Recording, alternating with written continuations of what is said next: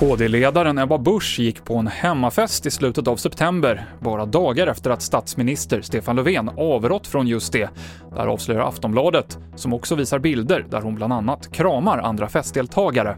Det här är inte den fest det rapporterades om igår, där en influencer fick skjuts hem av Säpo. Och det här kan vara besvärande för Ebba Busch, säger TV4s politiska kommentator Ulf Kristoffersson. Det är alltid problem när partiledare politiker i ledande ställning inte lever som de lär. Och det får man väl säga att det här är ett exempel på. Andelen som uppger att de oroas över brottsligheten i samhället är nu den högsta sedan Brottsförebyggande rådet började sina undersökningar. Och särskilt ökar oron bland män mellan 16 och 19 år. Samtidigt är förtroendet för polisen på rekordhög nivå. Och polisen har under förmiddagen undersökt en lägenhet i Göteborg där ett föremål exploderade under natten.